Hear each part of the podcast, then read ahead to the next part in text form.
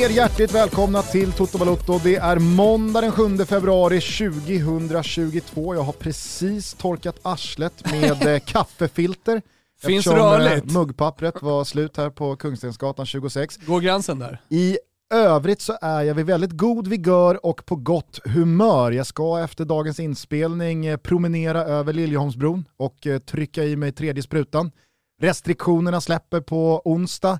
Solen skiner i huvudstaden. Champions Leagues åttondelsfinaler är bara en dryg vecka bort. Hörru, du håller på att lajvar svepet här just nu, chilla lite.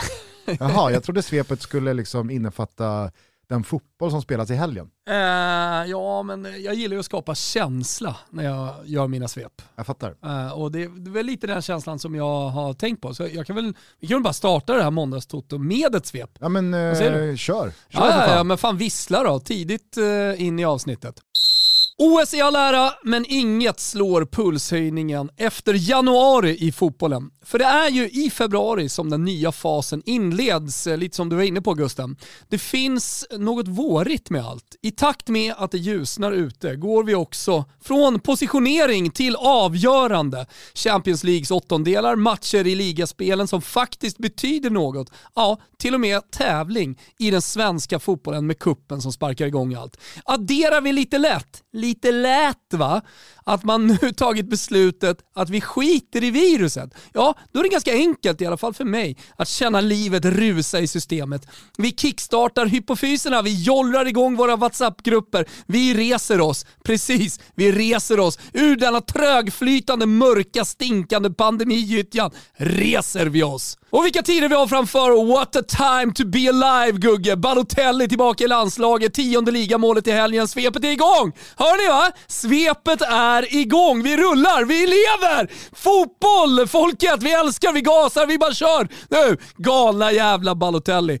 Och åker gör vi rätt in i Serie A. Rätt in va? Härliga, otroliga, överlägsna stöven. Tjoff!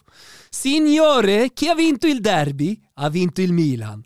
Jo, men för så var det. 1-0 Inter som gick mot en för de flesta klar seger. I alla fall spelmässigt. Sen kom super Olivier Giroud igång och med två stycken class acts var det Rossoneri som jublade högst. Eftersom Napoli också vann efter ett högt önskat Osimhen-mål och att nyförvärven Vlahovic och Zakaria väckt liv i den kutryggige gammel, gammelgubben från Turin så lever Serie A. Tänk vad snabbt det vänder. Inter fortsatt solklara favoriter, men ändå. Bakom randigt, stort och vulkanisk passion torskade Atalanta efter märkliga beslut från domaren. Fiorentina, ja de föll, tyngt, föll tungt mot Lazio och Roma fick inte hål på ett på nytt fött Genoa. I övrigt noterar vi att Cagliari vaknat på allvar och där, Ma- och där Mazzarri kikar klockan och bygger gruppdynamik. Vi noterar också att Odinese slog Toro på övertid och att Arnautovic inte får att stämma i Bologna. Bara 0-0 hemma mot Empoli. I Spanien då? Jo, där fortsätter Alexander Isaks måltorka. Oh, lilla larmet om du lever gubben. Men framförallt är det ju Barcelonas egna lilla renässans som sticker ut. Är det tiki-takans återkomst vi ser? Bland flera nya spelare sticker Adama Traoré ut, tycker jag. För att för mig är han precis vad Barcelona saknat. Muskler, fart, lite jävla vilja, jävla anamma, sisu. Det kändes kanske lite kantigt, värvningen. Men som han trivs under Xavi och vilken given vår succé vi har att se fram emot. Fjärdeplatsen, bah! Nu känns det ju nästan, okej, bara nästan, men ändå en smula som att Barcelona kan äta upp Real Madrids försprång. Okej, nu kanske jag överdriver. Real Madrid är ju tunga. Vinst 1-0 över Granada, ny mille in på Bengan Sonnerts konto och befäst eh, överlägsenhet i La Liga. Villarreal med stark seger annars mot Betis ska inte förringas, men Sevillas 0-0 i Pamplona, mm, det är för svagt om man ska vara med och leka med de största. Nåja, samtidigt som vi eh, funderar över minikrisen i Atleti tar jag en eh, vända förbi England där Kulusevski gjorde debut för Spurs. Såg väl okej ut. 20 minuter lite drygt i 3-1-seger mot Brighton. Vi är i åttondelsfinal va? Så kan det vara. Kan vara kvart. Alla favoriter vidare, ja. Wolves rök mot eh, Norwich och eh, Leicester mot Nottingham. Bompan mot Boreham Wood. Och jag vet, Chilla, känn lugnet, jag vet. Manchester United, de är borta. Middlesbrough blev för tuffa och det blir fan aldrig harmoni efter Ferguson. I mäktiga jävla Bundesliga då? Jo men visst, ni har väl inte missat att vi är igång i Tyskland? Väntad målexplosion när Bayern slog Leipzig med 3-2, Foppen in från bänk i 60 Dortmund, ja vad händer där? Hålet skadad igen och torsk 5-2 mot kusarna. Bayern avgjort, någon slags Europarace bakom. Allt är till synes som det alltid är i Tyskland. Lilla kiket ner i Zweite gör vi trots allt och eh, där hittar vi 5-0 för vårt HSV borta mot Darmstadt. Samtidigt detta Gugge, lyssna nu. St. Pauli, ja de fick bara kryss. Och fortsätt lyssna. Darmstadt på 39, Pauli och Bremen på 38. Sen har vi Die Rothausen, Schalke och Heidenheim på 37. Wow! Det är ett Zweite man vill vara. Mäktiga lilla Zweite. När vi ändå är igång så ska vi säga något om PSG och Ligue 1, eller? Visst. 13 pinnar ner till Marseille, seger 5-1 mot nedmonterade Lill i helgen, Danilo den rackan med dubbla pytsar, men framförallt en självförtroendestärkande kasse för Leo Messi. Kan han vakna lagom till Champions League? Känner han också vårkänslor? Är det så att vi är helt synkade känslomässigt, jag och Leo Messi? Kan det vara så? Ja men vilken otrolig grej va? Wilbur José och Messi i total synk! Wow! Mon Dieu, halleluja! Här kommer Wilbur och Messi. Lågenergisk måste jag säga. Jag är på hugget. Jag tycker att du kan eh, snäppa upp entusiasmen lite till nästa gång du ser ja, men jag känner ju som jag sa, livet rusar i mig och så vidare. Så jag har gjort en lista också. Och det är jag glad för. Oj. Det är kanske därför jag är lite extra entusiastisk. Vad är det för lista? Ja, men jag, jag har gjort äh, äh, Ballon d'Or-kollen. Jaha. Ja, men det är alltid, alltså Ballon d'Or, man pratar inte om Ballon d'Or förrän det är ja, november-december. När man börjar närma sig. Då ser man i tidningarna liksom att det tas ut någon 30-lista och sen ska den kokas ner och sådär. Så därför tänker jag att jag ska hålla eh, en gång i månaden en eh, liten topp 5 Ballon d'Or. Ja, jag Lista. ger den listan eh, två månaders överlevnad. Ja, vi får se då. Sen, Eh, den, ja, den men är död jag- i april. Tycker den är lite härlig. Eh, vill du ha den? Bara rakt upp och ner? Ja, ja, visst. Eh, Om, om det inte är någon 30-mannalista. Nej, fem. Ja. Jag har valt att koka ner det till fem. Världens, just nu då, Ballon fem bästa Ja. spelare. Eller de Exakt. fem hetaste kandidaterna till att lyfta Ballon d'Or någonstans eh, i december 2022. Ja, men så, så, som det ser ut nu så man skulle kunna säga att det är en mix, fast det är mycket renare och fräschare att säga att just nu, om vi tar liksom, och ska dela ut Ballon d'Or, Okej. så är det de här gubbarna. Och jag delar också ut Ballon d'Or då, eh, för januari. Februari, februari. februari Ballon d'Oren kommer här. Ja, ja, exakt. Och sen följer vi den här, sen så har vi lite bubblare och så kan listan uppdateras och så vidare. Men eh, eh, på femte plats, Vlahovic. Klatsch. plats, Vlahovic lite, lite jugg, jugg, jugge. Ja, Dusan Vlahovic femma. Dosan eh, femma. På fjärde plats Kylian Mbappé. På tredje plats eh, Mo Salah. På andra plats Lewandowski. Och på första plats, som vinner Ballon d'Or, eh, och det är ju sådär, alltid när det är liksom Ballon d'Or, när det ska delas ut, så är det mästerskapstungt. Va? Man, man går väldigt mycket på det. Och eh, det är ju faktiskt en spelare som har varit helt outstanding borta i Afrika. Eh, och som dessutom lyfter bucklan. Och man får säga att han har varit liksom den ja, men ledaren, han har också gjort eh, målen och ja, men viktiga mål. Han är just nu världens bästa fotbollsspelare. Så skulle Ballon d'Or delas ut just nu så, så hade det gått till Sadio Mané. Ah, därför eh, utelämnade du Afcon-avgörandet från svepet. Exakt. För du ville dela ut februari Ballon d'Or-bollen till Exakt. eh, Sadio. Till Sadio. Eh, och ni som eh, missade det så vann ju alltså Senegal sitt första afrikanska mästerskap igår kväll mot Egypten från straffpunkten efter 120 minuters fotbollsspelande. Jag tror att Egypten stannade på tre gjorda mål i turneringen. De har verkligen gnetat sig hela vägen fram till finalen. Carlos Queiroz, ja, det är ju kanske inte fotbollens framtidsman nummer ett. Det är en resultatcyniker av Guds nåde. Det. Så jag kan verkligen unna Senegal eh, och, och framförallt deras fotboll eh, framgången och att de fick eh, lyfta bucklan. Men framförallt som du är inne på, att Sadio Mané, för att hur mycket jag än liksom högaktar Mohamed Salah som fotbollsspelare, Och hur mycket Liverpool-sekten än vill få det att framstå som att det är total harmoni mellan de, de där två. De fick ju ändå Ballon d'Or till är, en av sina ja, gubbar så, nu. Ja men så är det är ju inte en hundraprocentig harmoni mellan Mohamed Salah och Sadio Mané. Det fattar väl alla som har följt internationell toppfotboll längre än en vecka. Det är väl klart att Sadio Mané tycker det är kul att vinna titlar, men det är klart att Mohamed Salahs hela tiden ett steg framför Mané ligger som en nagel i ögat konstant och irriterar honom. Och att han då från straffpunkten får avgöra det här med en av de bästa straffar måste man säga, som man sett i ett sånt läge, alltså en mästerskapsavgörande straff. Att slå den med den precisionen, med den hårdheten, med den övertygelsen efter att dessutom ha missat en straff under ordinarie tid mot då sin lagkamrat, men i mångt och mycket också antagonist. Jo, men det, det, det, det, finns ju någonting i att han står och väntar på, äh, står och hoppas på att han ska få slå den femte straffen. Det finns ju någonting eh, extra eh, till det dramaturgiska i avgörande. Ja, nej, det var fint och eh, alla som har följt eh, Afcon vet ju att Senegal föll tungt i finalen 2019. Eh, Så att, alltså det är ju, det är ju mm. väldigt mycket som Men, ryms i den där titeln. Verkligen, jag tyckte att det spetsades till efter gruppspelet. Jag tyckte att det blev roliga matcher och det blev dramatiska matcher och det kändes som ett mästerskap. Så att jag måste, jag måste ge det till Afcon, jag tycker de levererade i år. Ja det tycker faktiskt inte jag. Jag tycker, att, jag tycker, att, jag, tycker, jag tycker verkligen, tycker, jag tycker verkligen att det var då, dålig kvalitet, för pajigt, för liksom ja, Du vill ju ha det här tillrättalagda jävla Champions League, perfekta gräset och strålkastare och eh, sådana här jumbotroner de har på Camp Nou som eh, egentligen inte är någon jumbotron utan bara någon jävla hologram. Det är sånt du vill ha. Det vill jag verkligen Här, För mig inte Afghan, det är liksom alltså, äkta. Där skiljer inte. du och oss verkligen. Jag vill ha så här hjärta, passion, lite smutsiga plan och sånt där. Du vill ha liksom kostymerna i, i, i, i neon som drar bollar.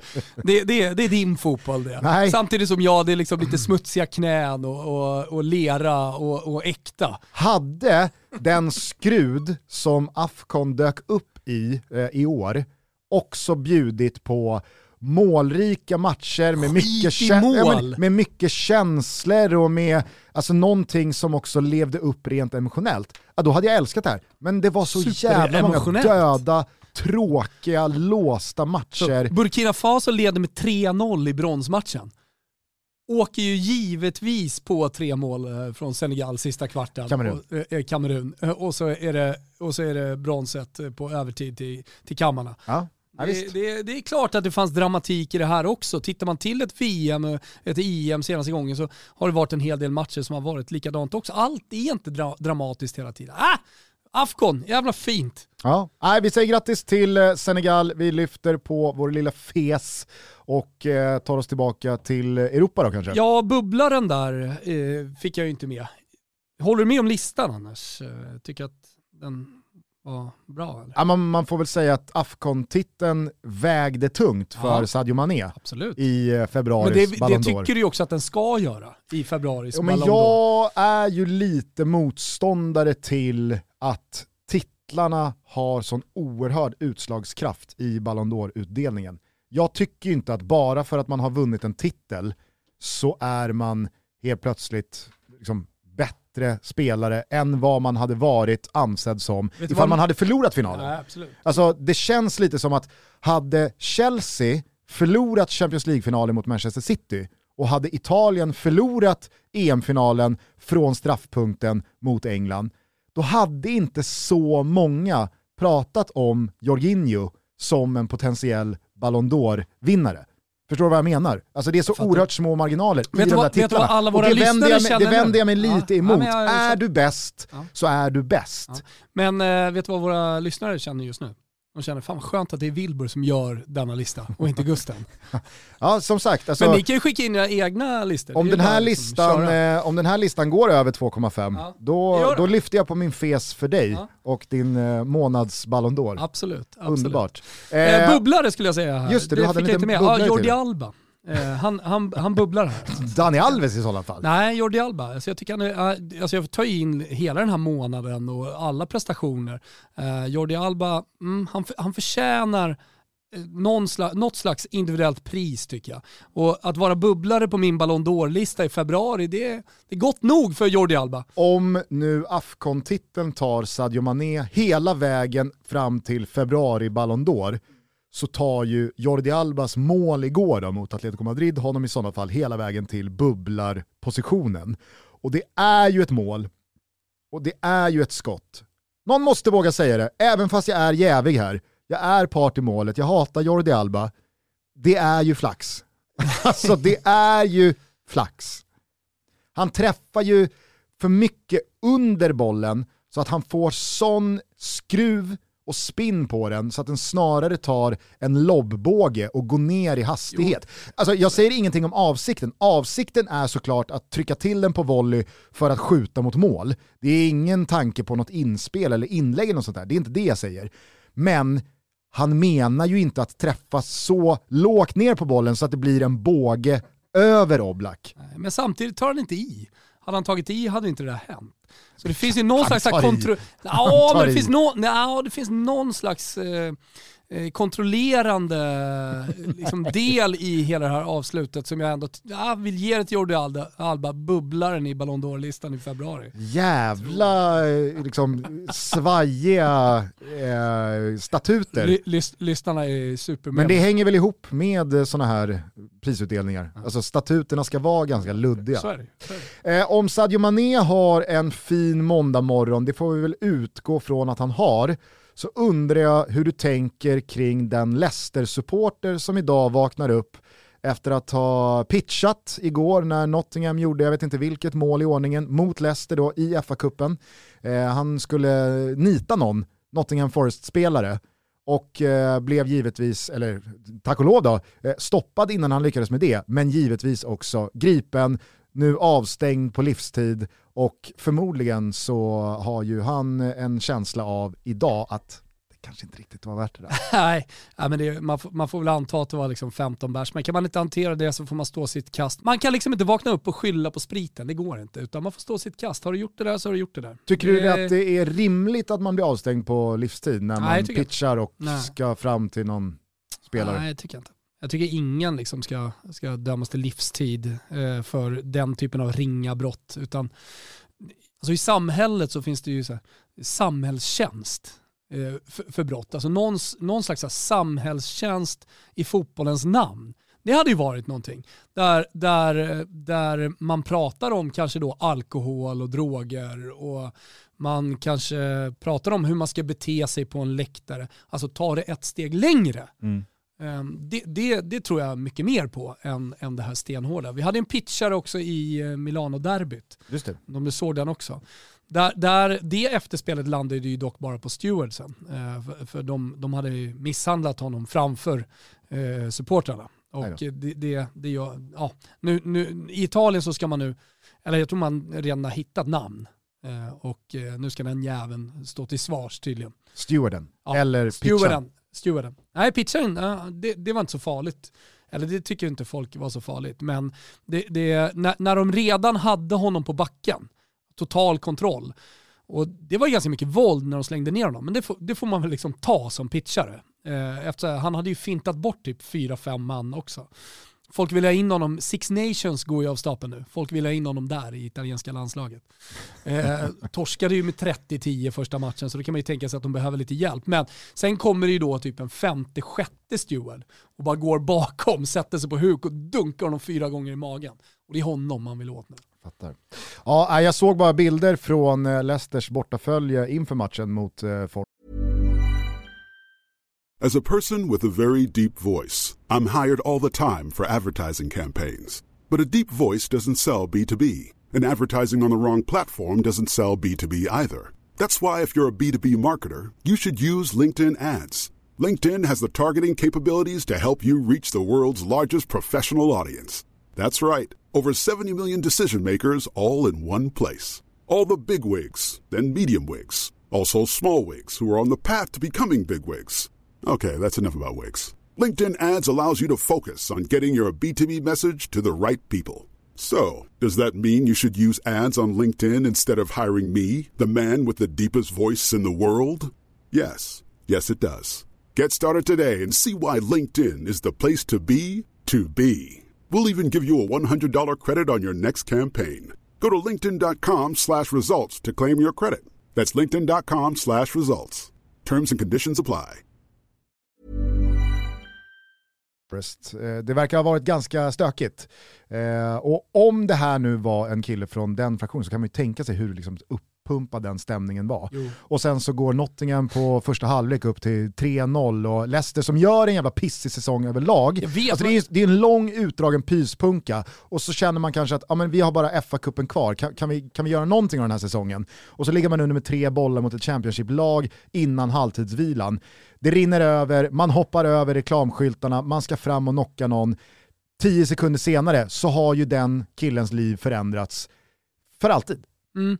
Alltså det måste vara sån jävla smäll att vakna upp från ja, ja. i häktet nu måndag morgon. Ja. Det, det är det väl, men sen samtidigt så här, fan du, du ska in där och, och boxa, samma som fylledansken och sådär. Alltså det, det, är bara, det är bara upp på hästen igen, uh, det är inte så mycket att göra. Fast det är väl just det det inte är i och med att han nu är avstängd på livstid. Nej men du får ju ta livet från, från det här hållet. Mm. Det, det, det, det är inte så mycket att göra. Jag känner heller inte att det kan kännas speciellt synd om honom. Fan, nu, nu är det som det är.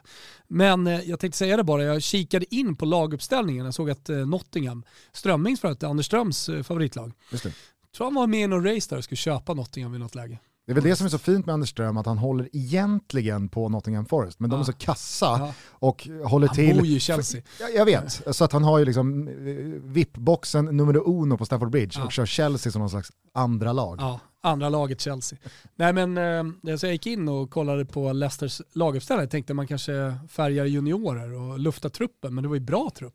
Ja, ja. Eh, bra, bra lag, bra elva. Och Brennan Rodgers var ju oerhört brydd efteråt och sa alltså, det, är en, det är en pinsam insats av oss. Alltså, och, och, vi har ju pratat om det eh, nyligen i Toto Balutto, om att Brennan Rodgers dagar känns verkligen räknade i Leicester. Han är färdig här, det går liksom inte att få ut mer av det här laget som i mångt och mycket fortfarande har lite känslan av att det är det där laget som mot alla odds vann Premier League och att Jamie Vardy med den där centrallinjen bakom sig, Kasper Schmeichel och så vidare. Alltså att de fortfarande ska kunna liksom, ja men, gå emot alla odds och, och, och fortsätta hota mot de absolut bästa. Men alltså, det, det funkar ju inte så i dagens fotboll, i alla fall inte i toppfotbollen. Ska du liksom hela tiden, år ut och år in, slåss om titeln, Champions League-platserna, ja, men då måste man hela tiden byta olja i den här motorn. Alltså. Mm. Och det har ju inte Leicester gjort. Och det märks ju så jävla tydligt att hela den här klubben, hela det där laget, mm. ska säga, laget och tränaren, är färdiga med varandra. Mm. Nej men verkligen. Alltså, och där, där eh, räcker det inte med att värva in en eller två spelare så kommer allting funka igen. Alltså, det, finns ing, det finns inte liksom en stomme utan det krävs en hel renovering. Och nu när andra lag ja, men börjar komma upp, alltså även av eh, Leicesters stor, storlek, Eh, West Ham till exempel, Aston Villa som, som värvar eh, och, och så vidare.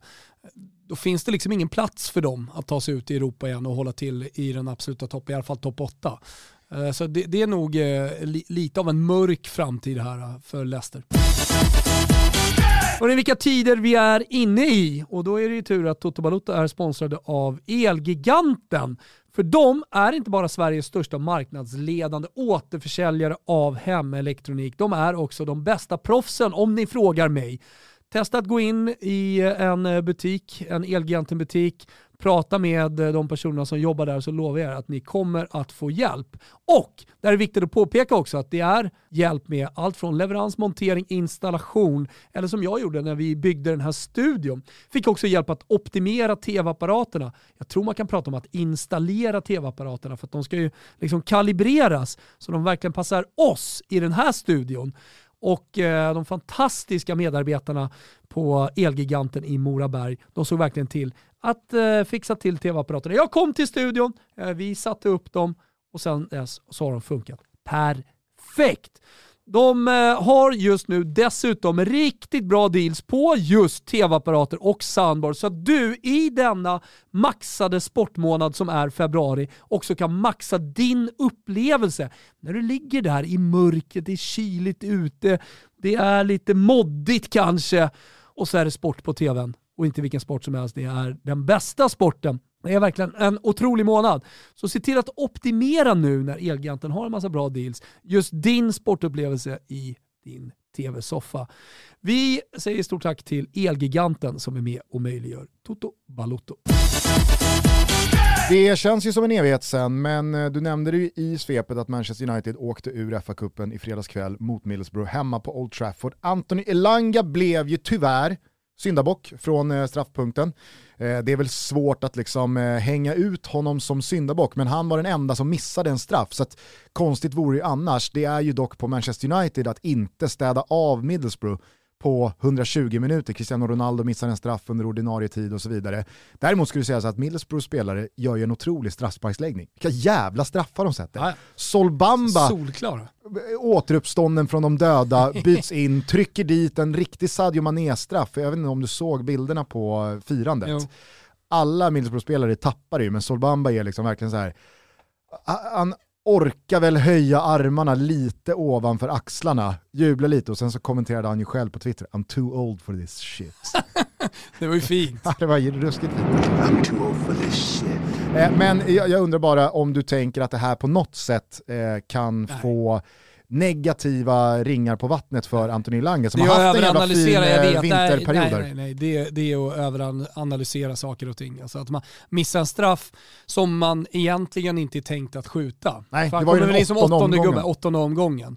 Eh, och det är dessutom då i FA-cupen. Okej, okay, det är en titel som man skjuter bort, men det, det, alltså de här spelarna har ju också perspektiv. Jag menar, Elanga kan ha perspektiv att om jag missar åttonde, åttonde straffen så är det inte min, det är inte min förlust det tror jag verkligen han, han känner idag. Jag, jag, tror liksom inte när han spelar nästa match så går han ut med straffmissen i, i skallen. Jag tror däremot det hade varit tyngre då om man hade spelat en direkt avgörande match och han hade varit på planen och missat två frilägen i slutet. Alltså, så, sånt där kan säkert sätta sig på självförtroendet, men missa en straff, nej fan. Eh, han blev ju dock tröstad av Cristiano Ronaldo när de lämnade planen. Eh, födelsedagsbarnet i helgen, Cristiano Ronaldo, det är ju den tiden på året då många riktigt stora spelare och namn bastar. Neymar fyller väl år samma dag som Ronaldo, alltså i lördags. Eh, men igår, då fyllde ju också en av eh, svensk eh, fotbolls eh, stora 40. Bojan Djordjic, ska vi ringa och säga grattis eller? Ja, men det gör vi. Fan, du ringer mig bara när ingen annan kan ställa upp. Ja, hör du det här då? Åh, oh, hey, vänta, vänta, jag ska dansa kollo nu. Igår jag dansade kollo med mamma och pappa här. Jag tänkte fan alltså, där grannarna måste tänka jag är sjuk.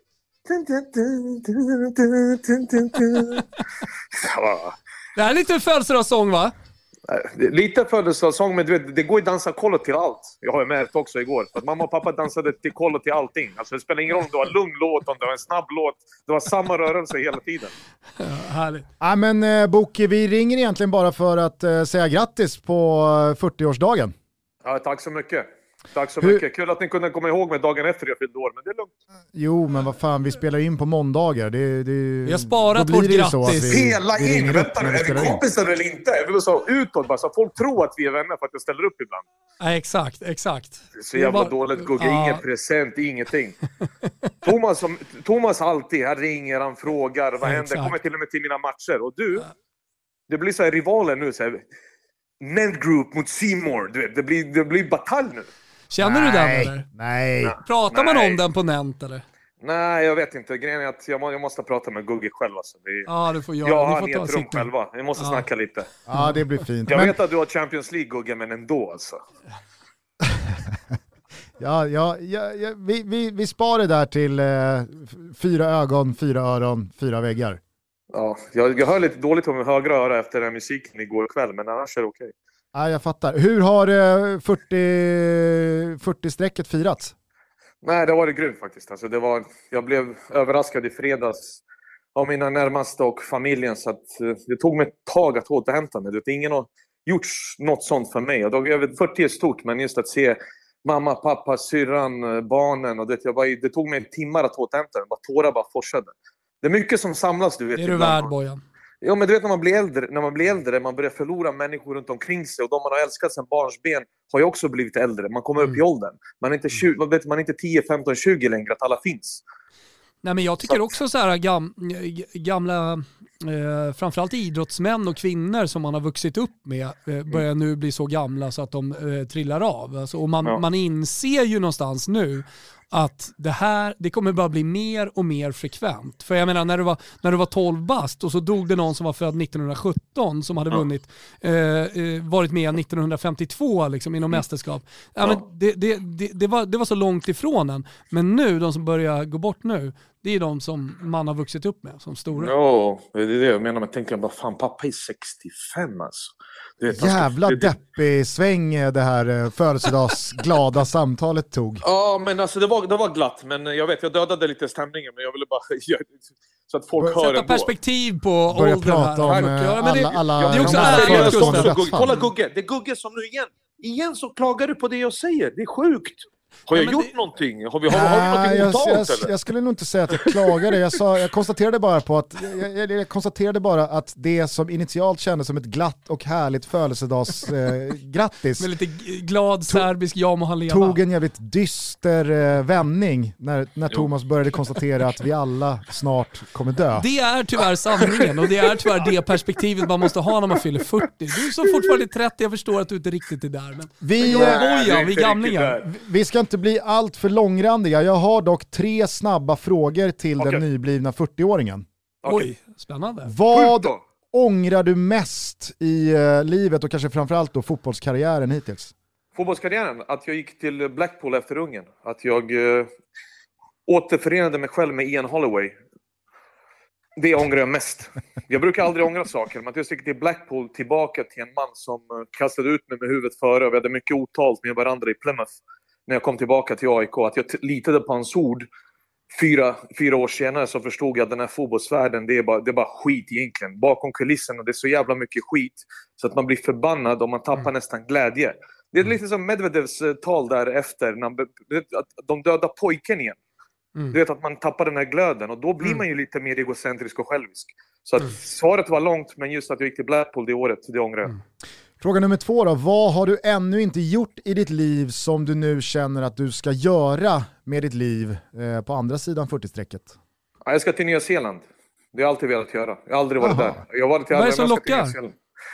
Eh, det som lockar är att eh, det är VM 2000, eh, 2023, dam-VM.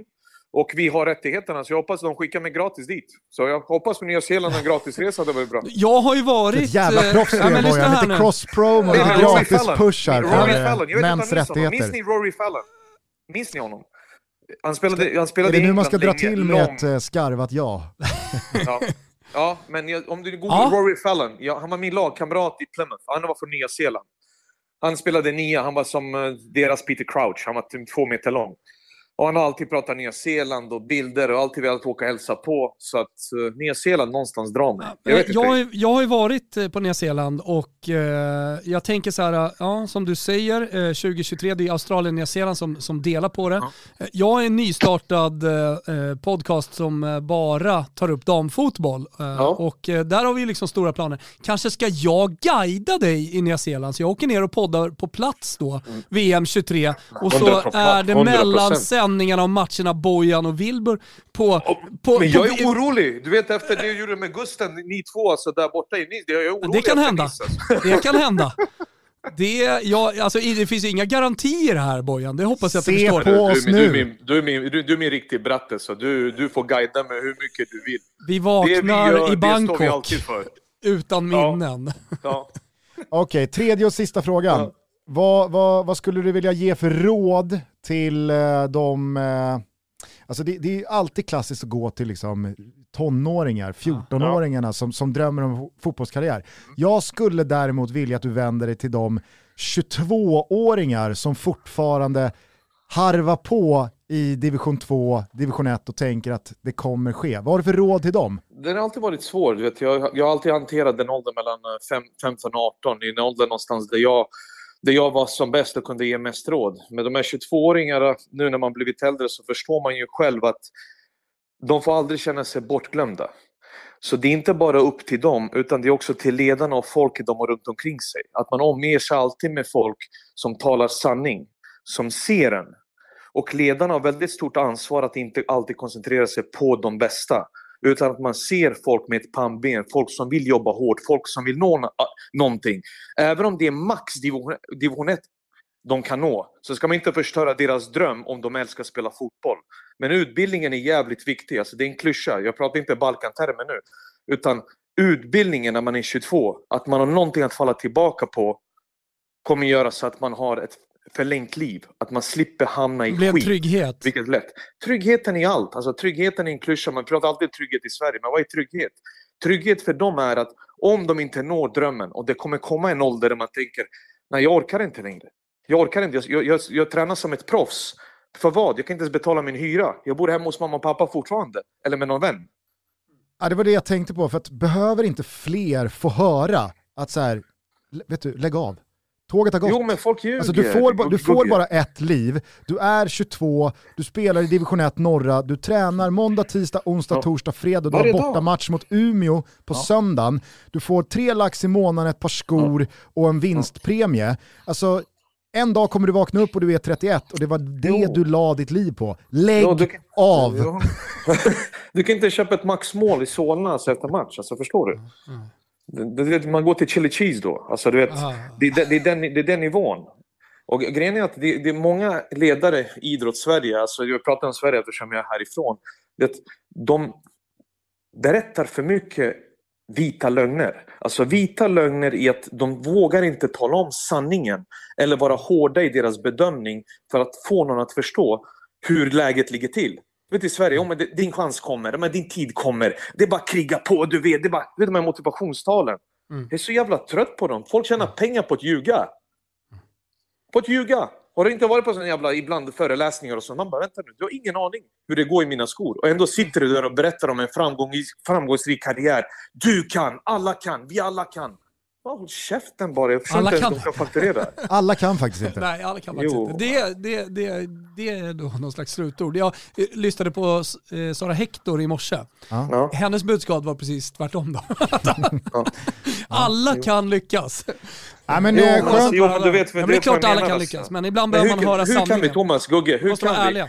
Men hur kan vi när vi inte vet någons historia, med historik, familjen, hur det är hemma? Alltså du ser mm. bara en människa, det är som fotbollsspelare, på plan, men vad händer utanför? Mm.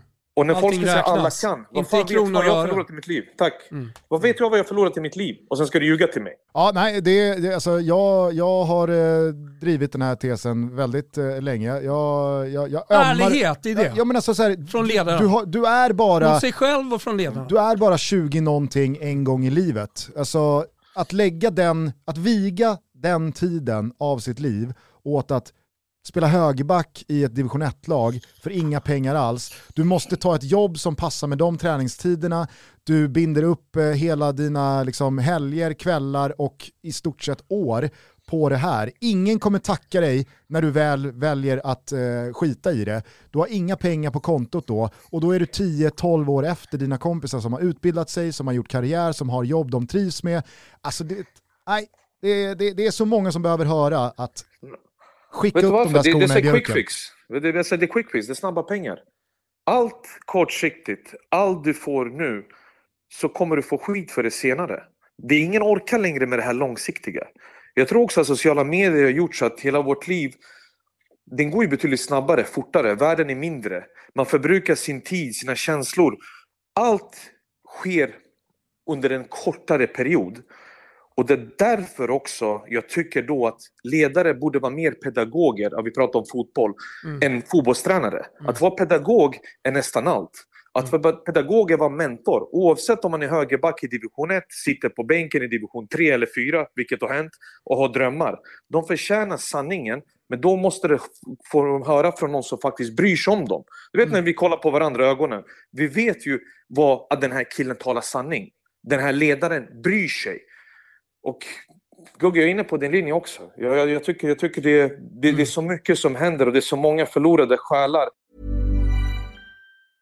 As a person with a very deep voice, I'm hired all the time for advertising campaigns. But a deep voice doesn't sell B2B, and advertising on the wrong platform doesn't sell B2B either. That's why if you're a B2B marketer, you should use LinkedIn ads. LinkedIn has the targeting capabilities to help you reach the world's largest professional audience. That's right. Over 70 million decision makers all in one place. All the big wigs, then medium wigs. Also small wigs who are on the path to becoming big wigs.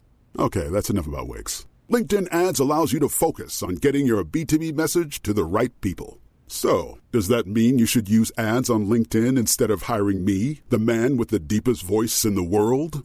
Yes. Yes, it does. Get started today and see why LinkedIn is the place to be to be.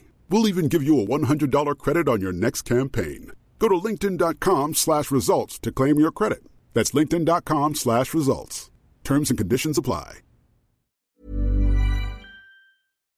På grund av att någon säger till dem, men det är ett, ett år till, ett år till, ett år till. De ser Och så bara blir de till lidande. sitt eget bästa liksom. Jo, men det är all, alla. Det är som Ja. ledarna nu, alltså de flesta tränarna. Kolla, de gör sina karriärer på grund av sig själva.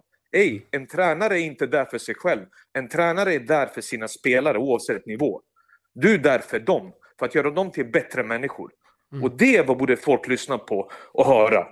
Istället för att En, gå med sina eh, jävla permar. En uppenbart, med dig. en uppenbart harmonisk 40-årig Bojan Djordjic har sagt sitt. Eh, Man är management är Jag kommer till studion framtiden. nu! Jag tar bilen nu! Ja, men, eh, återigen, eh, Toto Balotto önskar dig eh, ett stort grattis till 40 år fyllda och eh, vi hoppas att du har en jävla Jag fick en idé kanonvecka. nu. Alltså förutom att vi ska ta båten från Bangkok till Nya Zeeland så borde vi ta ett division 1-lag du och jag Bojan. Jag tror fan vi skulle göra succé. Det skulle bli kul. En kul jävla Nej, resa men i alltså, annars hade vi gått upp till Superettan eller åkt ut. Alltså, det finns inget mittemellan. Alltså, Nej, det är ingen finns fan inget Ja, mittemellan. du är så det, det är verkligen, jag, vill, jag kan verkligen säga antingen så stinker vi eller så luktar vi gott. Det finns Alltså- ju ingenting där mittemellan. Division 1-sportchefer där ute, jag vet att det finns en hel del lag här i Stockholm. Ja, Bojan, vi är redo. Men vi är ganska Ja, ja. dyra ska jag säga, så bara som en Ja. liten parentes. Nej, nej, nej, nej. De- måste åtminstone ett matchmål måste vi kunna få. Ja, verkligen. Bojan, eh, vi, vi hörs och syns eh, så får vi vi. ta det där eh, privata mötet och så lovar jag att snäppa upp eh, min, eh, min frekvens i att höra av mig till dig. Nej, Du har ändrat sen Bele Barkarby-tiden. Du var en snäll kille en gång i tiden, men det är lugnt. Thomas är Ja. min vän nu. Ja, ja. Ja, Thomas är vän nu och så jag, jag ser det bara i Champions League-studion nu. Tisdagar och onsdagar. Enda gången jag kan faktiskt säga hej, säga hej till dig. Ja, jag, ska vinka, jag ska vinka till dig nästa vecka. Hej Bojan, Älskar er! vi hörs då. Ha det så bra, vi hörs sen. Tja! Fint att prata med Bojan igen, men nu måste vi ju till eh, de riktigt stora matcherna som spelats i helgen. Det var ju eh, häftigt måste jag säga att se nytändningen i både Barcelona och Juventus efter eh, jobbiga säsonger hittills. Ruskigt aktiva transferfönster. Vi pratade om det initialt i avsnittet om att nu går vi in i eh, säsongens nästa fas. Jag delar upp en fotbollssäsong i fyra faser. Eh, det finns en eh, fas 1 som är liksom säsongsinledning, laget ska sättas, det är olika saker som ja, men, eh, påverkas in i de första 5, 6, 7 omgångarna. Inledningsfasen. Precis. Och Sen så kommer kom- etableringsfasen. Ja, så kommer fas två här, vintern. Liksom. Sen nu går vi in i sista sväng, fas tre av fyra. Det är inte upplopp, Nej. Men det är nu liksom säsongerna tar vägen åt antingen Så det ska du ena tredje- eller det andra hållet. Ligger du dåligt till så är det läge att gå ut i tredje spår här nu och spurta. Exakt, känner man att man har att åka med, Ja. då måste man också gasa här nu. Ja. För man kan inte sitta fast tredje invändigt Nej men med sparade krafter till nästa säsong. Nej, och, och Juventus och Barcelona har ju då fått morötter eh, så att det finns energi i båda de klubbarna. Det är Precis. lite dit du vill. Nej, men jag, jag måste säga att jag kan, inte, jag kan inte komma ihåg hur en spelare har ändrat balansen så pass mycket i ett lag, men inte bara i ett lag utan i en hel liga, som Dusan Vlahovic till Juventus har ändrat på balansen i Serie A. Jag kan inte minnas hur en spelare kan ha ändrat på så mycket. För att helt plötsligt så är eh, Juventus, ja, men det går att argumentera för att de är Serie A's bästa lag. Det, eller det kommer att gå att argumentera för att de är Serie A's bästa lag om en månad. Om de när, fortsätter så här. Som när Robert Lewandowski lämnade Dortmund för Bayern. Jo, jag vet, men samtidigt så här, de gjorde ju vad de ville ändå. Liksom hela tiden. Men eh, alltså, du har rätt, det är, en bra, det, det är ett bra namn att bolla upp här. Men, men jag tycker ändå att det, alltså, det finns någonting ännu starkare i, i Vlahovic. Dels sett liksom, till eh, hur Juventus bara såg ut. Att de hade en referenspunkt plötsligt, att de hade en spelare som kan göra det själv, För de har saknat en ensam cirkus. De har ju saknat en spelare som liksom löser tre poäng för dem. Eh, och hur mycket han har lyft också lagkamraterna runt. Alltså, hela Juventus såg på nyttfödda ut. Och Såg då ut är som det Juventus. Ja men såg ut som Juventus och det är kanske inte den bästa matchen de gör. Men det, men, men det är liksom sättet Dybala spelar fotboll på. Han hittar ju mycket bättre in i den här rollen. Kolla på Morata. Han gör ju sin bästa match i Juventus-tröjan på jag vet inte hur länge. Ja, verkligen.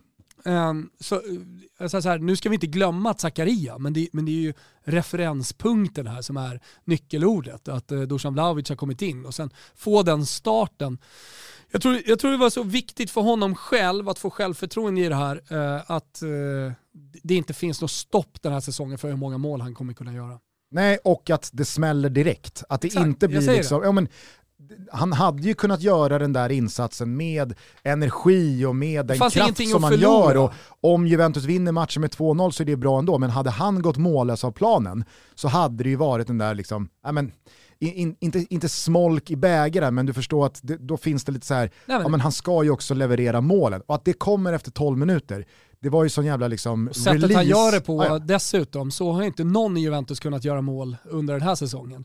Bara lobbar över precis vid stolproten. Alltså det, det, det är sån otrolig klass. Mm. Och det, är, sen- det är inte sen riktigt tycker jag också Moise Kean-vibbar. Nej det är det verkligen inte. Och sen så tycker jag liksom de två straffsituationerna han är inblandad i, alltså det hade inte varit konstigt om Juventus hade fått straff i någon av dem. Jag menar så här, ja men de, de går ju, varummet går ju på kontakt liksom. Eh, Det är dock absolut inte straff. Nej, jag tycker inte heller det. Jag tycker inte heller det. Men, men bara att han är där och sättet han agerar runt, det har han gjort i Fiorentina hela tiden. Ju- Just det här liksom, han pratar med domaren, direkt när de kommer ut i den andra halvleken så går han liksom bre- bredvid domaren med ett snett leende och pratar så man förstår om straffsituationen. Hela hans aura på planen, äh, men det, det, jag, jag kan inte minnas, det kanske är så att Lewandowski är, är, är namnet att bolla upp här, men jag, jag, jag kommer inte ihåg hur det var där och då. Så därför måste jag ändå säga att jag kan inte minnas när en spelare liksom hade så här betydelse för ett lag, men i slutändan också för, för en hel liga. Ja, jag tycker också att det finns två andra aspekter i den här Juventus-segern som är värda att bolla upp. Det är ju dels då att förvisso nytt blod in i form av Lahovic och Zakaria, men att Allegri också gör så många förändringar. Nu tvingades han ju till en del i och med att Locatelli och Bernadeschi inte kunde spela, är skadad sen, eh, sen innan, eh, men också då att han har Quadrado tillbaka från landslagsspel, McKennie lika så. Alltså han var ju tvungen att hitta på ganska mycket saker i den där startelvan. Ja. Men att han i princip ja, men helt och fullt byter spelsystem, spelmodell, alltså sättet eh, Juventus bara liksom forsar fram och dominerar centralt. Jag tycker Juventus gör en riktigt liksom, bra match. De, de gör Ja, en, de är de tunga gör, en- liksom, exakt, de sen gör en tung insats, det de som- håller en nolla, Ja. de vinner många dueller. Nej, det var, det var, det Det var är en ju jävla Juventus injektion. insats som du sa inledningsvis här. Det, det är ju verkligen da Juve. Ja, och på det så känns det också så jävla självklart att Atalanta bajsar på sig bajsar på sig. hemma mot Cagliari några timmar innan och att Inter på något jävla märkligt sätt lyckas förlora Derby della Madonnina. Vilket gör att man såklart inte bara tittar på fjärdeplatsen och hur långt upp det är till tredjeplatsen. Utan nu börjar man ju också titta på hur långt upp är det till Inter för Juventus. Mm. Det, ska, det som ska bli jävligt spännande att se är ju hur Juventus agerar eh, och kommer ut i den här åttondelsfinalen mot ett formtoppat Villarreal som är riktigt bra, som är riktigt tunga. Jag säger, jag, jag, jag gillar Unai Emerys Villarreal som fan. Eh, och, och även fast Juventus imponerade på mig igår och absolut kommer med, med, med rejält fullpumpad bensintank här så tycker jag att den där åttondelsfinalen känns ruskigt oviss. Skulle det dock sluta med uttåg för Juventus, äh, men då kan man ju se det här Juventus ta 10 raka. Och till vad räcker sådana 30 poäng? Alltså det, det, det, det, det känns så jävla givet att de andra lagen också ska på något sätt börja bjuda in Juventus i någon slags titelrace. Ja. Vad än Allegri eh, Men så sitter och beror säger på det beror- presskonferensen Nej, jag efteråt. vet, men det beror ju lite på vad Inter gör och sådär också. Hur pass jävla bra de är och hur pass tunga de är och vilka poäng de tar i och med att de har ett försprång. Vi får se här. Jo men de till- börjar ju också såklart titta neråt i tabellen här nu. Napoli nästa helg. Ja, Det exakt. Det Och sättet de förlorar derbyt på Ja. är ju det är inte moral, i det är en tvärtom, match en spegling av vad som kan komma att ske. Är det något lag du fan inte vill Men det hade ha. ju varit sinnessjukt om Juventus skulle äta upp det och vinna. Jag säger, alltså så här, om vi nu ska fortsätta prata travspråk, Juventus är ju Örjan. Juventus är i tredje spår menar du? Juventus är Örjan Kihlström med en bra häst som galopperade från start, som nu har ätit i kapp liksom, markförlusten. Nu går ut i tredje och interkusken vänder sig om och Du ser, ser bara huvudet nu att det har bestämt sig. Ser jävlar han är ute i huvudet. tredje redan. Ja, det, Tussarna det, är redan ryckta. De är inte ens ryckta tror jag. Nej, de är inte det. Nej. Det är bara det här spikraka Sista- huvudet, ja. halsen som bara står rakt ut. Tussarna rycks till då fas 4, upploppet. April. När det är, ja exakt, början av april, Wow. när det är... alltså Tänk dig så här, när vi är april. när det, varenda poäng är eh, utslagsgivande. Mm. Men eh, derbyt då, alltså Inter gör ju en fruktansvärt bra första halvlek, första timme. Eh, det är ju Mike Maignan mot Inter. Mm. Utan eh, honom så, Det är också så, en jävla så är det, så är det avgjort i är ett paus. lag emot. Det är, ju, det, Ja, ja. Det, det är ju en ruskig lyx och han är ju verkligen ehm, man kan ju inte säga att han har lyft Milan med tanke på att Donnarumma var fantastisk, men han, han har ju raderat... Eh, Det är inte många som saknar Donnarumma. nej, nej, ingen saknar ju. Donnarumma. Eh, så, så, så menar, han har verkligen kommit in och varit så bra som eh, Milan-supportrarna hoppades på. Och jag ska vara ärlig, jag såg inte jättemycket av Lille förra säsongen. Så att, och när man såg någonting av Lille så såg man ju mycket det de gjorde framåt. Eh, highlights och, och så vidare. Och sen har man ju förstått att Mike Magnan, Maignan. men ja, nej men nu, nu har han ju bevisat det. Så att eh, jag menar, då har Ja, man alltså, du, vin, du vinner ju inte Ligue 1 mot eh, PSG Nej, om du gör en halvdan nej säsong absolut inte, i, men du kan i ha ett ruskigt bra samspel mellan backlinje och eh, målvakt. Absolut. Nej, men, eh, så att, men jag ska ju absolut ha sin del av tårtan i den här derbyvinsten. Verkligen. Jag tycker att man pratar lite väl mycket om Giroud och eh, Brahim Diaz inhopp. Alltså utan Menjans första halvlek så är det ju över i ja. paus. Absolut. Eh, men, ska alltid eh, hitta en derbyvinnare. Liksom. Och hur gör, mycket- gör man två mål som Giroud gör, dessutom det andra målet som är sån ruskig klass. Så. Men hur mycket man än kan hylla. Milan för den här eh, moralsegen och vändningen så är det ju skämskudde på, på Inter. Hur man slarvar bort där. Att man inte ens tar en poäng. Alltså hade jag hetat Simon Inzaghi så hade jag varit skogstokig. Jag tror att han, Han var var det. Eh, Han var så inte att- ensam, såg Lautaro Martinez var väldigt arg också. Nej, men, och jag, jag, jag tycker verkligen att det är så klappkast av Inter att sjabbla bort det där. Eh, Henok Goitom debuterade ju i eh, Simons fotbollssändningar i helgen. Eh, och han eh, sa till mig igår när vi sågs inför Fotbollssöndag Europa att han hade funderat på söndag förmiddagen att under hans 20 år i fotbollen Mm. så kan han inte komma på att han har sett ett så pass bra lag som Inter i en så pass viktig match som det här, i en så skör eh, ledning som en uddamålsledning är, ge motståndarna ett 6 mot 3-läge. Jo, men det är lite skarvat kvart 6 mot kvar. 3 tycker jag också. Det är inte riktigt 6 mot 3. Men, men jag, jag håller med dig att det är slarvigt av ett italienskt lag. Sen har man ju sett tyska lag göra liknande. Du, du, du har sett Premier League-lag göra liknande. Man, man går på knock så att säga och får självförtroende. Dels eh, från den första halvleken, dels inledningen i den andra halvleken också. Så man känner att här kan vi trycka på lite. Det är bättre att vi avgör den här matchen. Och så, så att man liksom eh, rider på självförtroendevågen under den andra halvleken. Det är klart att det, det, har man ju sett. Sen var det ju extremt dåligt. Det, Ja. det håller jag med om. Sen kan man trycka på och man kan gå för det, men man kan ju göra det med lite huvud. Absolut. Alltså, Inter är ju huvudlösa i en period 10, 15, 20 minuter mitt i andra halvlek där. Sen, sen, alltså så här, sen måste jag säga, jag tycker att det är sån frispark på Alexis Sanchez. Alltså Giroud trycker till honom på ett NFL-sätt. Visst, Alexis Sanchez är mindre än Olivier Giroud. Det ser värre ut än vad det kanske är på en repris. Och det, det, det går väl uppenbarligen att argumentera för att det där är en korrekt tackling. Mm. Men alltså, det, är, det är kanske lite för mycket våld. jag tycker det, är sån jävla Kraftfullt. kraft i den där tacklingen. Och, och, och det är så här, det är ju inte ett domslut som Guida va, var det som dömde, Mm.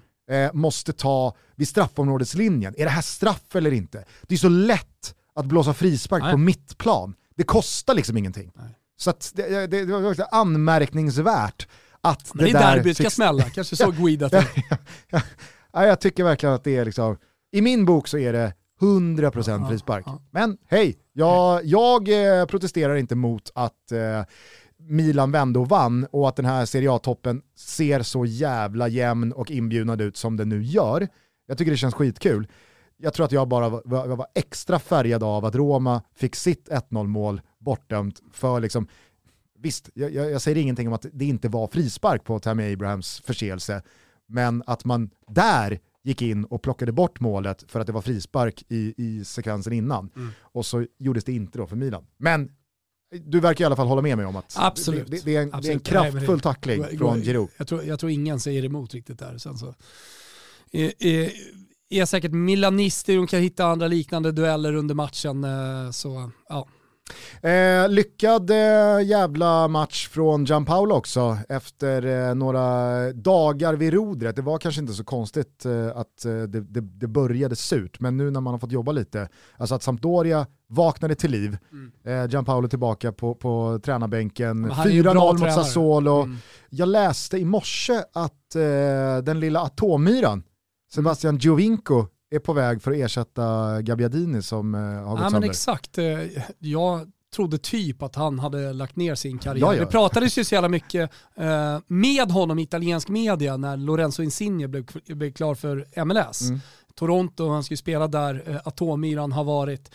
Eh, och då pratade han som, eller jag läste ju alla de intervjuerna, men då pratade han som om han hade slutat. Det kändes som att det var en ex-spelare.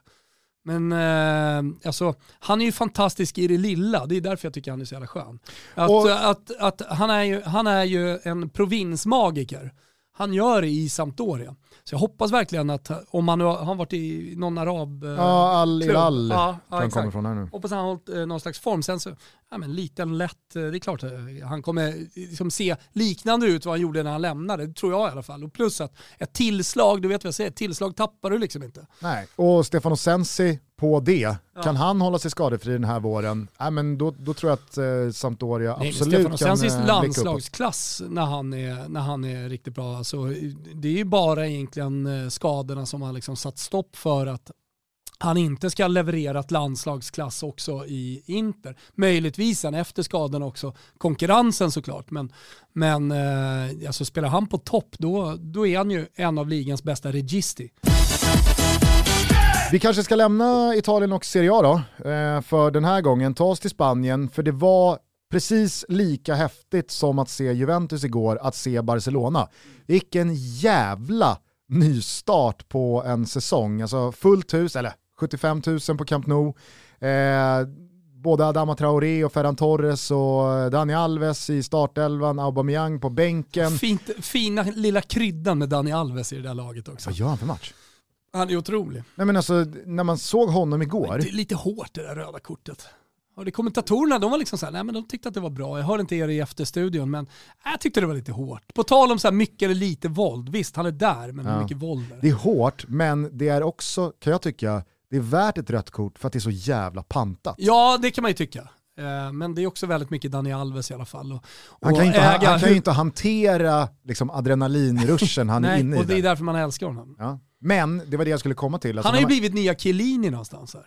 Ja. Han, han, kommer ju bli det mer och mer. Jo, en spelare som alla hatade en gång i tiden, men som nu istället blir älskvärd. Fast det som jag tycker är extra häftigt med Dani Alves, när vi nu pratar om liksom det riktigt gamla gardet, att alltså när man ser Zlatan, ja men då ser man ju en spelare som har fått förändra sitt sätt att spela fotboll för att han har kommit upp i den åldern han är. Cristiano Ronaldo, samma sak. Alltså, listan kan göras lång på 35-plussare som behöver förändra sitt sätt att spela fotboll för att hänga med i den yttersta eliten.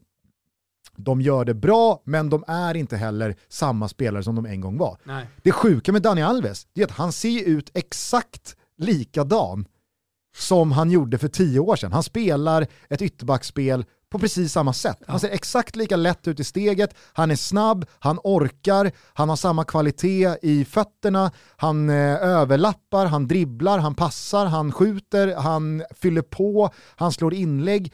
Det vill säga, ja varför skulle inte han kunna, liksom, han kan ju hålla den där positionen i tre år till. Jag tyckte det var kul, Pintorp och Marcelo sa det, att man pratar om Dani Alves, att han har ersatt sig själv i Barcelona. För att ända sedan han lämnade vad är det, fem, sex, sju år sedan, eh, så har liksom Barcelona inte haft den där högerbacken på samma sätt. Så att han, han fick till slut, äh, jag får väl, fuck it, jag får väl komma tillbaka och ersätta mig själv då. Mm. Till slut.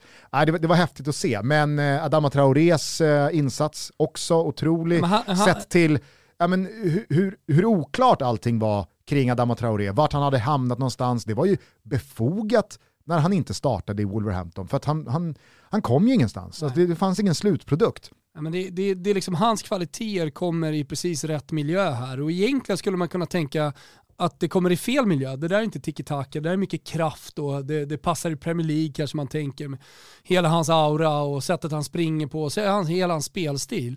Men, men jag tycker snarare att det, det bryter av så jävla fint mot det tiki-taka-spelet som Xavi vill spela. Att, att man får in en helt, alltså en spelartyp som man inte tänker sig in i det systemet och det tycker jag blev tydligt i den här matchen också. Att han gav en dimension då som kanske saknades i Barcelona innan och eh, som jag tycker är direkt avgörande i den här matchen också. Sen så har han ju någonting som typ väldigt få spelare har, speciellt på den positionen ska jag säga. Det är att han är ju typ omöjlig att ta bollen av. Alltså, du vet, när han bara sätter emot och har eh, kroppen mellan motståndare och boll, det går ju inte att ta bollen av honom, trots Nej. att han är ganska liten. Alltså, så här, Dusan Vlahovic, Luka Toni, den typen av spelare är, är alltid bra och det ska ju finnas i deras repertoar. De ska ju vara världsledande på att täcka boll. Men det, det ska ju liksom inte Adama Traoré vara, men, men, eh, men det ger någonting ytterligare till honom mot de här små spanska ytterbackarna som, som är lite underskattat tycker jag ändå, alltså hela hans styrka.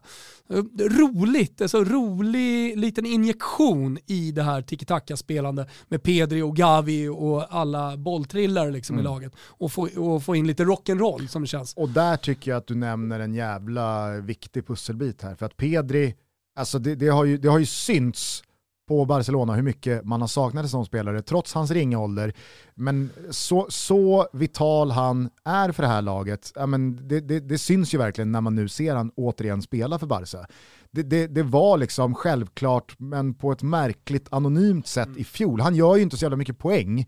Det är ju därför man, liksom, man inte reflekterar över hans storhet så ofta som man borde. Men med Pedri på plats, med eh, de alternativen och den kvalitet som nu finns i offensiven att välja på, Adama Traoré, Ferran Torres, Aubameyang, tror jag, du också, eh, mm, om, mm. om vi utgår från förra veckan, eh, också kan hitta rätt i det här Barcelona. Ansu Fati ska tillbaka efter skada. Eh, Memphis Depay, alltså där, där finns det ju kvaliteter som, som ingen kan ifrågasätta. Och så nu då har man gamla goda ytterbacksparhästarna eh, på plats igen, Jordi Alba och Dani Alves. Så jag kan tänka mig att Busquets och Piqué, de kommer också höja sig av att laget höjer sig, att de kan inte hålla på att falla ur ramen här. Nej. Jag, jag, jag tycker att eh, så Barcelonas både insats, resultat och hela liksom utfall igår mot just Atletico Madrid också, Xavi, var ju ganska syrlig och hård mot Diego Simeone och hans fotbollsfilosofi och Atletico Madrid som lag efteråt. Man passerar dem i eh, tabellen, man kliver upp på Champions League-plats. Alltså, om Brennan Rodgers och Leicester är lite färdiga med den verksamheten de pysslar med, så är ju Atletico Madrid och Diego Simeone i lite, alltså inte bara lite. Jag trodde ju aldrig man skulle säga det. Men fast vi har väl sagt det fem gånger. Jag kommer ihåg när vi var i Tjeckien på U21-EM och låg Olomouc var vi. bakfull. Nej, nej, då var vi i Polen. Ja, i Polen. Ja, ja, två år senare. Då låg vi bakfulla som örnar i något avsnitt och pratade om just det här. Att nu mm. har väl ändå Diego Simeone och jo, men Atletico Madrid kommit till vägs ände. Fotbollen är cyklisk. Absolut, alltså, men var inte det med, med utgångspunkt ifrån att han vi, också vill vidare?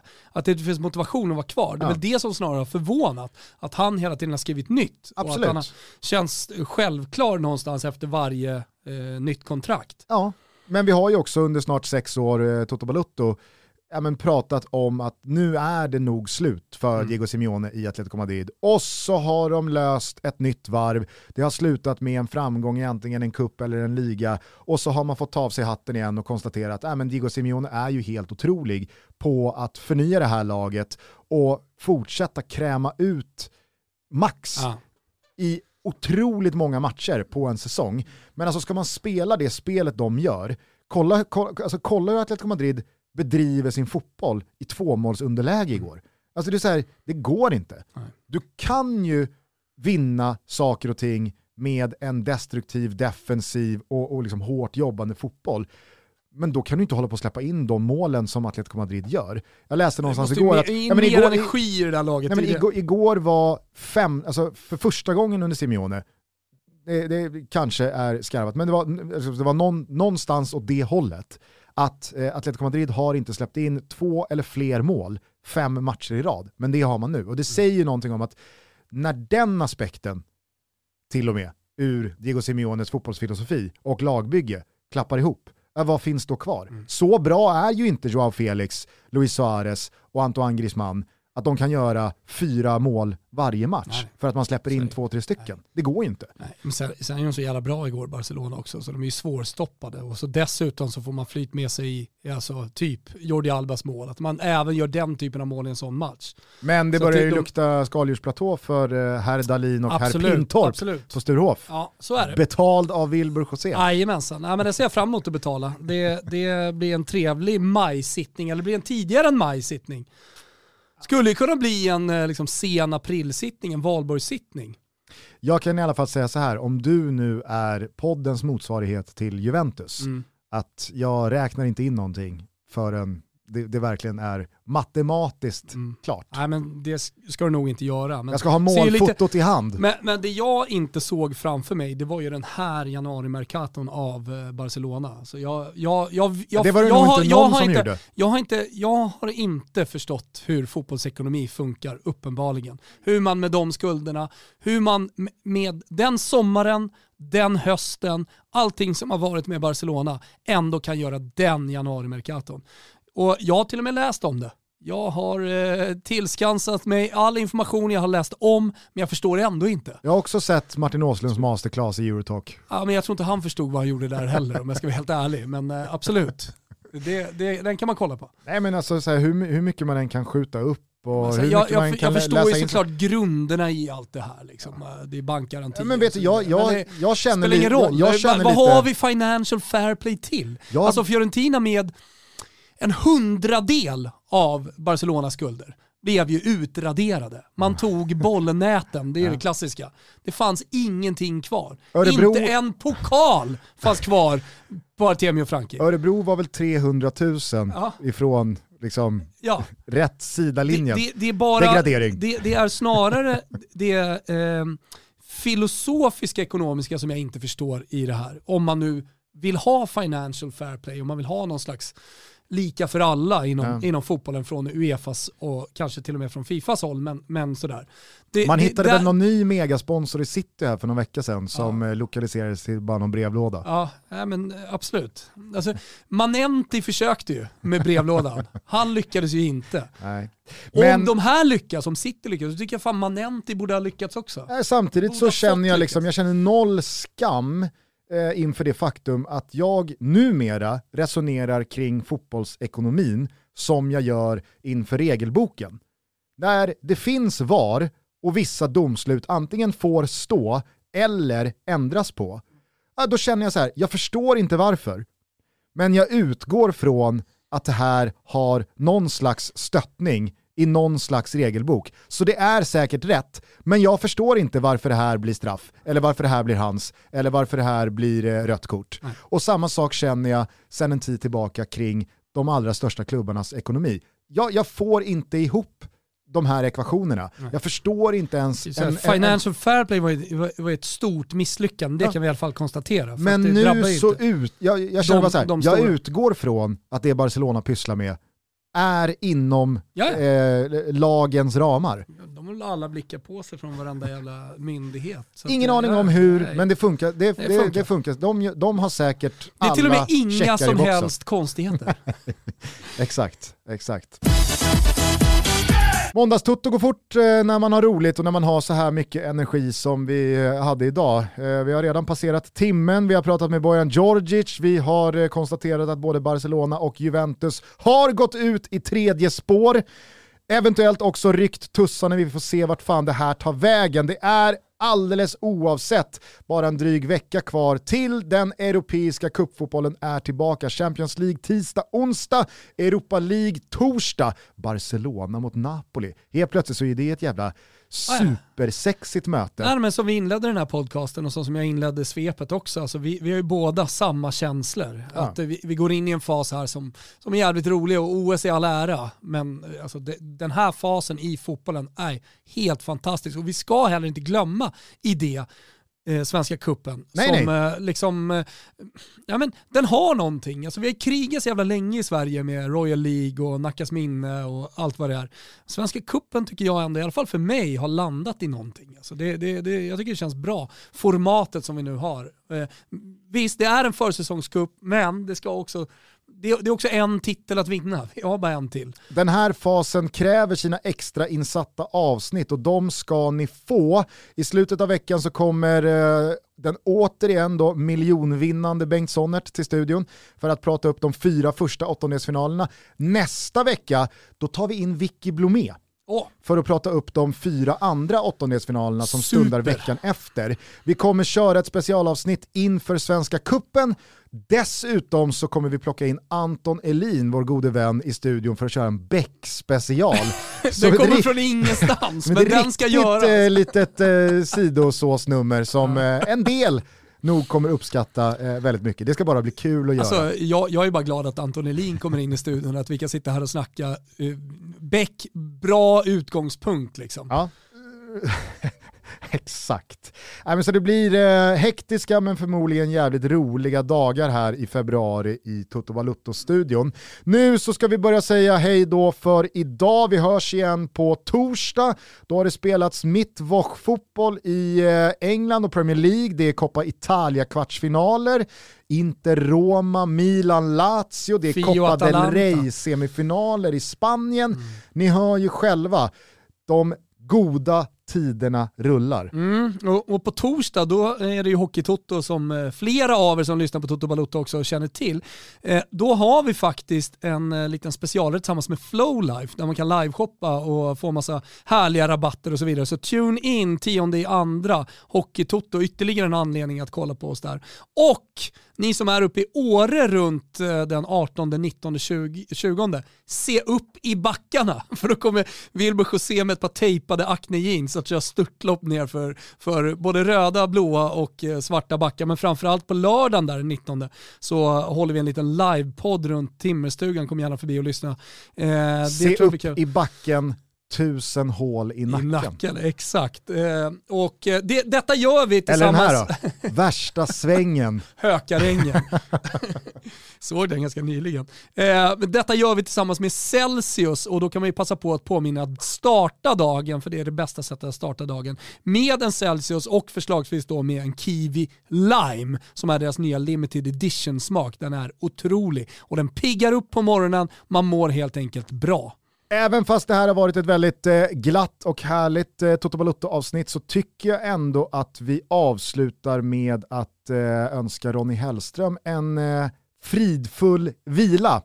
Eh, Ronny Hellström gick ur tiden igår morse, nåddes i alla fall jag av eh, beskedet. Ronny Hellström eh, vann Guldbollen två gånger, 71-78, blev dessutom utsedd till världens bästa målvakt. Nådde legendarstatus i Kaiserslautern men också givetvis i Bayern och jag skulle vilja avsluta med den glädje jag ändå känner att eh, Hammarby-supportrarna och då i synnerhet tifo-verksamheten gjorde det Ronny Hellström tifo de gjorde i fjol när de nåddes av beskedet att Ronny Hellström var sjuk och ganska illa därhan. För att det är så jävla många gamla hjältar som på ålderns höst aldrig riktigt får uppleva hur stor plats de har i en klubbs historia förrän det är för sent, förrän de är borta. Mm.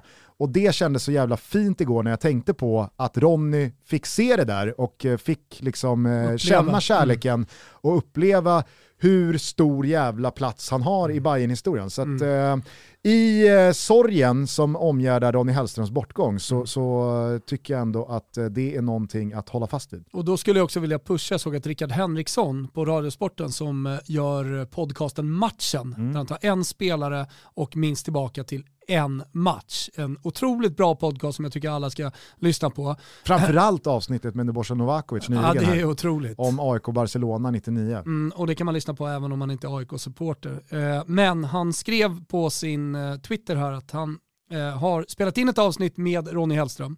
De kunde inte på grund av läget träffas, men det blev ändå en oerhört fin inspelning när han medverkade på distans från sjuksängen. Eh, han var så tacksam och nöjd efter och vi är övertygade om att avsnittet kommer att göra Ronny Hellström rättvisa. Världens bästa målvakt, världens finaste person.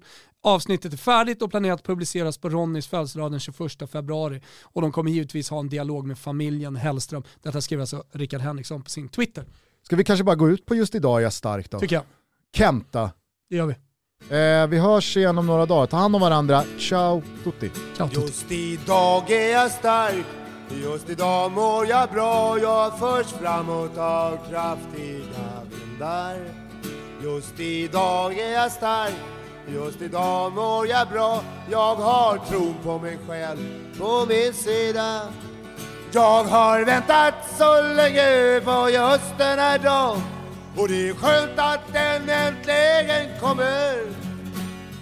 Väntat så länge på just den här dagen den ger lust när den kommer. Jag ser måsarnas flykt, jag ser solglitters dans, jag ser framåt mot härliga tider. Jag ser kvinnornas steg, jag ser ögonens glans, jag tror på mig själv på min sida. Jag har väntat så länge på just denna dag det är skönt att den äntligen kommer. Väntat så länge på just denna dag den ger lust när den kommer. Jag hör skrattande barn, jag hör slussarnas brus, jag hör telefon som kan leva. Jag hör inre musik, jag hör vindarnas sus. Jag har tro på mig själv på min sida. Jag har väntat så länge på just den här dagen och det är skönt att den äntligen kommer. Väntat så länge på just den här dagen den ger lust när den kommer.